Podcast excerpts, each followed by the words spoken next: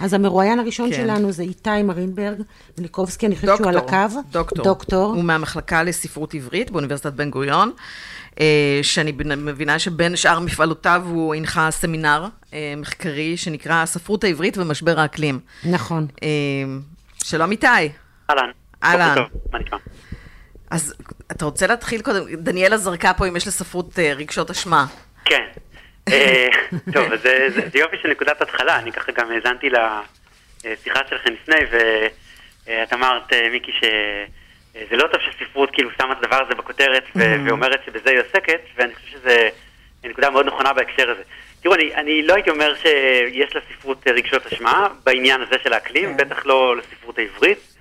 אה, להפך אולי, הספרות העברית אה, אה, במובן מסוים בהקשר הזה היא עדיין חיה בתוך איזשהו סוג של בועה. אנחנו כמעט לא רואים סוגים של אה, משבר האקלים בספרות העברית העכשווית, וגם כשהם כן מגיעים, אז הם מגיעים בדרך כלל בהקשר אה, דיסטופי ועל גבי איזו מין אה, שכבה עבה כזאת של עיסוק בכל הבעיות הישנות שמעסיקות את הספרות שלנו.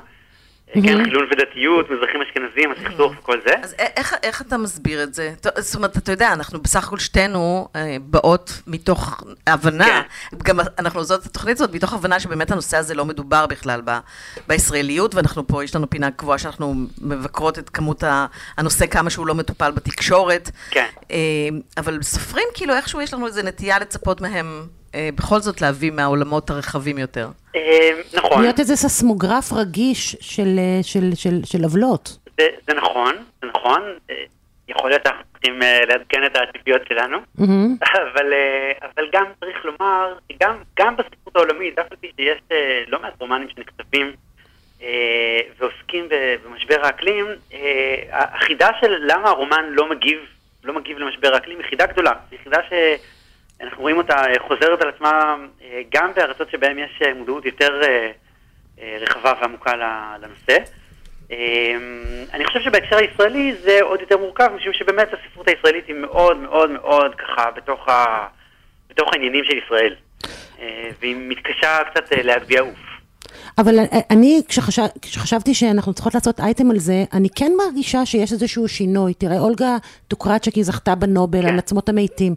זה ספר אמנם שלא מדבר על, על משבר האקלים, אבל כן מדבר על האשמה, או לפחות מנסה למקם אחרת את היחסים של האדם מול הטבע. כן. שאני חושבת, אתה יודע, מאיפה באנו, ממובי דיק, והם באמת, מסיר, מ, לא יודעת מה, הקפות ביער, ספרים, פשוט זווע, זוועות של ציד. כן. אני כן מרגישה שיש שינוי. אז אה, אני מסכים, זאת אומרת, אני חושב שאנחנו בהתחלה של הרגע הזה של השינוי. אנחנו עוד לא רואים אותו אה, לאורך ולרוחב, אבל אנחנו מתחילים להרגיש את הניצנים שלו אה, בכל מיני אה, ספרים, אגב, בשירה אפילו יותר מבפרוזה. מעניין. אה, כן, ו... מה- מה בכל זאת היה בפרוזה ישראלית ב- אז- בתקופה האחרונה שכן? אז למשל, אה, אני יכול ככה להצביע על שני, אה, הייתי אומר שני כתבים. אה, ספר אחד שיצא לפני כמה שנים, ספר של אסף ציפור, שנקרא האם אתם במקום שבו אתם צריכים להיות. אה, רון דהן הוציא אסופה של ספרים קצרים. נכון, ויש גם את האסופה של רון דהן. נכון. אה, עכשיו, אלה טקסטים שיש בהם אה, הרבה מאוד אה, יסודות אה, דיסטופיים. אה, ואני באופן כללי, אני לא, אני די בספק ביחס, אה, גם ביחס להצלחה האומנותית של, של אה, תיאורים דיסטופיים וגם ביחס, נגיד, להצלחה שלהם בנושא הזה עצמו.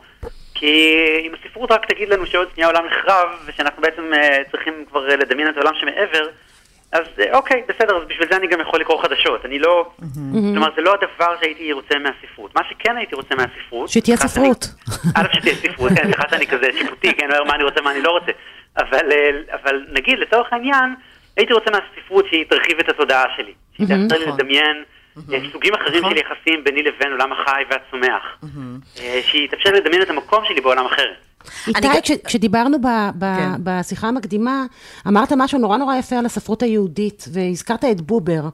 ואני כן. רוצה שתגיד על זה כמה מילים, כי זה היה מאוד, אה, לי זה היה חדש ומרגש. כן, אז, אז אה, טוב, אני, אני אלך אולי איזשהו צעד אחורה. קודם כל, באמת הסמינר הזה שערכנו בשנה האחרונה, בהשתתפות של למעלה מ-20 חוקרים וחוקרות מהארץ ומהעולם, וגם חשוב לי לומר שערכנו אותו ביחד עם עוד אה, שתי שותפות נהדרות, דוקטור אה, תפת הכהן ביק ויעל ברוכים. אה, סמינר ששאלה בין היתר את השאלה האם בכלל ספרות יכולה להיות אה, לא אנתרופוצנטרית. רגע, שנייה, אה, אה, אה, מה? תסביר. כלומר, האם ספרות יכולה להיכתב מנקודת מבט ש, שלא האדם נמצא במרכז שלה? אוקיי. עכשיו, התשובה הפשוטה היא שבגדול לא. זאת אומרת, בסוף יש לנו מספר ויש לנו אנשים שכותבים, אה, וזה כמעט, אה, כמעט אה, בלתי אפשרי. ואיזושהי פנטזיה שהייתה אולי לחוקרים לפני אה, 20 שנה, אה, למצוא ספרויות שהן לא אנתרופוצנטריות, זו פנטזיה שדי אה, די נכזבה. אבל אולי במקום לחשוב על, על, על, ה, על השאלה הזו בקטגוריות בינאריות, כן, האם ספרות היא כן או לא אנתרופוצנטרית, אנחנו כאן יכולים לחשוב, וזה משהו שעלה שוב ושוב בסמינר שלנו, אנחנו יכולים לחשוב על העניין הזה כעל משהו שנמצא בסקאלה. זאת אומרת, ספרות היא תמיד תהיה אנתרופוצנטרית, אבל השאלה עד כמה, כן, עד כמה האדם משעבד את העולם, או עד כמה האדם נכון. אה, מתבונן, מתבונן בעולם ב, כ- כ- כסובייקט שיש לו אה, משמעות. איתי, כיוון שאנחנו חייבים תכף לסיים, אז, אז אני רוצה שתזכיר את הדוגמה שאמרת לי על, בובר. על בובר, אוקיי. בדיוק. אחלה. אז, אז באמת אה, בובר באופן כללי מחלק בין, אה, בין אה, אה, שני סוגים של מערכות יחסים, או שני מצבים קיומיים של מערכות יחסים. מערכת יחסים אחת היא מה שהוא מגדיר אה, אני לז, כלומר אני מתבונן ב, ב, בסובייקטים שמולי אה, אך ורק כ, כאחרים, כ, כמין ישויות שהן משועבדות לי, אה, ושהן בעצם אובייקטים בעולם, בעולם שלי. והאפשרות השנייה היא מה שנקרא בשפה של בובר יחסי אני אתה. אני זה באחר. מיקי, זה נורא פשוט, זה לא כזה גבוה. כן, זה לגמרי פשוט. אני מתבונן אני פשוט באחר. התעלפתי בזה, כאילו. לא, לא להתעלף, לא להתעלף. אני, אני מתבונן באחר, והאחר הוא, הוא נוכח, הוא שם. עכשיו יש כן. אה, קטע נורא נורא יפה אצל בובר שהוא מתאר פגישה שלו עם עץ. בבקשה, אז רק תגיד את המשפט. ובזה אנחנו מסיימים. מסתכל על. העץ, והוא אומר, העץ כאילו אה, מסתכל עליי חזרה. והעץ תובע את כל ישותו ואומר, כאילו, אני אנסח את זה במילים שלי, שלום, נעים מאוד, אני עץ. אוקיי? ובמילים. שלו? וואי, אין לי את זה כאן פתוח אה, מולי, אוקיי. אבל, אבל זה מאוד מאוד יפה. אז אוקיי. זה, זה מאוד יפה, וזה, אני חייבת להגיד העניין הזה של העץ. לפני איזה כמה זמן הייתי אורחת בתוכנית העמיתים של השל, ועשינו שם, מין, יש מין כזה תר, תרגיל כזה, שיוצאים ואתה הולך ומסתכל על עץ. כלומר, והבקשה היא ללכת ולהסתכל חצי שעה על עץ. כן. וזה מדהים. נו, משם מגיעים למחבקי עצים, מיקי, אני מגיעים מחבקת לכל ה... עצים, אני לא מתביישת, אני מחבקת עצים, וכשאת מסתכלת חצי שעה על עץ, את מגלה עולם. עולם נכון. שלם על העץ. נכון. אז אוקיי. אני ממליצה לכולם לעשות את התרגיל הזה. וכל הכבוד ו- לבובר. וכל הכבוד לבובר. לגמרי. איתי, תודה רבה. תודה לכם. ביי ביי. להתראות.